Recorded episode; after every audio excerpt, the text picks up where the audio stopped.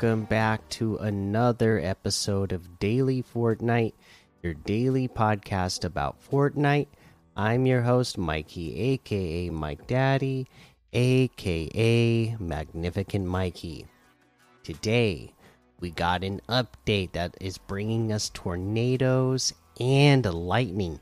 So let's go ahead and jump into this blog post and go over the details of this update. This is the Fortnite Battle Royale version 19.01, January 11th hotfix tornadoes and lightning crop up.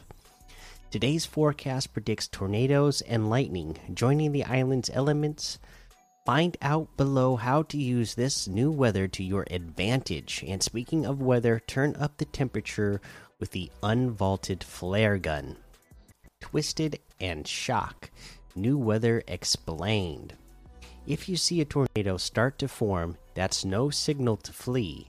Instead, run into it as a swirling escape strategy. You'll spin round and round till you choose to glide to safety, or if you stay spinning long enough till the twister spits you out. Don't worry, you won't take fall damage if you get hurled. If you see a dark cloud start to form, that's not necessarily a signal to flee either. Sure, the lightning from it deals a small amount of damage and sets the surrounding area on fire, but the power of its shock gives players a temporary speed boost. How to increase your chance of getting struck by lightning? Jump into a body of water beneath the cloud or reach the highest land point under it. Lightning doesn't strike twice back to back. Once you've been struck, lightning won't strike you again right after. Flare gun also in the forecast to be unvaulted now. Don't leave it up to just the lightning to start fires. With this hotfix, the flare gun has been unvaulted. So now, in addition to firefly jars, you can spark flare guns to make use of the spreading flames. Find flare guns in chests, on the ground, and from supply drops. Tornado week, the twisters intensify. The cyclones are at high intensity to mark this climate shakeup. In Tornado Week, running from now to January 17th at 9 a.m. Eastern, there's a higher percent chance you'll encounter tornadoes around the island for their debut. The wind is at your back. For competitive notes, tornadoes and lightning are not included in competitive playlists. Flare guns are currently not in competitive playlists, playlists, but are up, subject to an evaluation period. During this season, items like the flare gun and shield keg could potentially be introduced to competitive playlists after a one to two week evaluation period. In this season, in particular, we're evaluating the viability of more mid season items introduced to competitive playlists than in recent previous seasons. And to be honest with you, that sounds like a great deal to me. Again, uh, I to me, it's just for me uh, at this point, I I feel like competitive and casual, uh, you know, has gotten so split that it makes me less excited to watch uh, competitive matches. Uh, it just, uh, you know, the last couple of seasons have just been a little bit too serious and, and, there's plenty of games where you can get that and you know that was to me always a, like you know part of the fun of watching you know watching Fortnite and watching people who are really good at Fortnite is watching them play with those types of weapons you know having something like a flare gun or the shield keg or you know any of those other uh, wacky type of things uh, and, and, see them get used uh, by the best players. So I would love for you know there's certain things that you know I understand why competitive players don't want them in in the game, but uh, most other things I, I feel like they should be in there. That way, you still feel like you're watching Fortnite and not just watching another uh, regular competitive shooter. All right. Uh, let's see here. That is the news for today. Uh, let's go ahead and take a look at what we have in the LTMs for us today.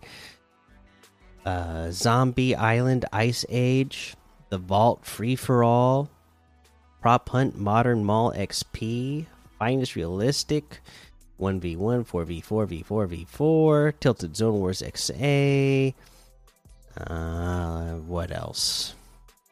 Pandvil Box Fight, FPS Window Wars Tycoon, Pro 1000, um, 1v1 with any mythic and cars, 350 level de death run, uh, frontal crashes, just drive, figure eight jumps race, snowboard slopes, color dash, and a whole lot more to be discovered in the Discover tab.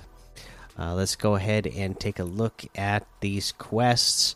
Uh, we got a new uh, quest that is going to pop up for you today saying receive your next objective in Sanctuary or any 7 outpost. So, you know, it's pretty self explanatory, right? You're just going to go to uh, the Sanctuary or you can go to like the seven outpost east of there, or the other ones it says as well. Literally, all you have to do is land there, and uh, you know the Jonesy will start uh, talking to you and give you uh, your your next uh, mission from there. Uh, okay, uh, so there's that. Uh, let's go ahead and head on over to the item shop and see what it is that we have in the item shop today. Uh, looks like we have the Shogun outfit with the bladed wings backbling for 2000. The Splode outfit with the volatile backbling for 1500. The Phone It In emote for 800. The Electro Swing emote for 500 uh, we got the cross bounce emote for 500. Uh, the sproing emote for 200. We get the pillar outfit with the carapace back bling for 1200. The flutter outfit with the flutter wings back bling for 1200. The flycatcher harvesting tool for 500 the Rapscallion outfit with the Burgle bag backbling for 1,500. The Scoundrel outfit with the Strong box backbling for 1,500. The Personal Pollinators backbling for 400. The Night Owl harvesting tool for 800. The Starry Flight glider for 800 uh, we have the Henchman bundle, which has the Shadow Enforcer and Ghost Enforcer outfit for 1,200. The Shadow Enforcer outfit itself is 800. The Ghost Enforcer itself is 800. We have the Celeste outfit with the Spectral Star backbling for 1,200. The Prisma Blade harvesting tool is 800. And that looks like everything today. So you can get any and all of these items using code Mikey M M M I K I E in the item shop, and some of the proceeds will go to help support the show.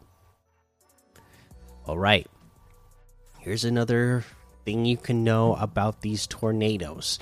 Okay, when you are in a tornado, yes, it really will destroy builds, it will destroy uh, towns.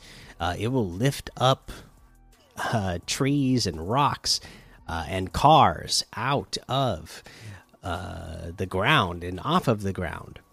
Uh, you can use these items when you are flying around. Say, you know, in fact, take a vehicle, drive a vehicle into the tornado and it will lift you up while you're in the vehicle. Then you can sit in the seat and take a free ride from uh, this tornado while you're in a vehicle and uh, shoot out at enemies down below. So take advantage of that because you're getting the cover from the vehicle, Plus, you're flying up in the air, making it harder for you to be hit, uh, and uh, just you know, able to take easy, nice little shots at at your enemies down below. All right, that's going to be the episode for today. Make sure you go join the daily Fortnite Discord and hang out with us. Follow me over on Twitch, Twitter, and YouTube. Head over to Apple Podcasts, leave a five star rating and a written review or a shout out on the show. Make sure you subscribe so you don't miss an episode. And until next time, have fun, be safe, and don't get lost in the storm.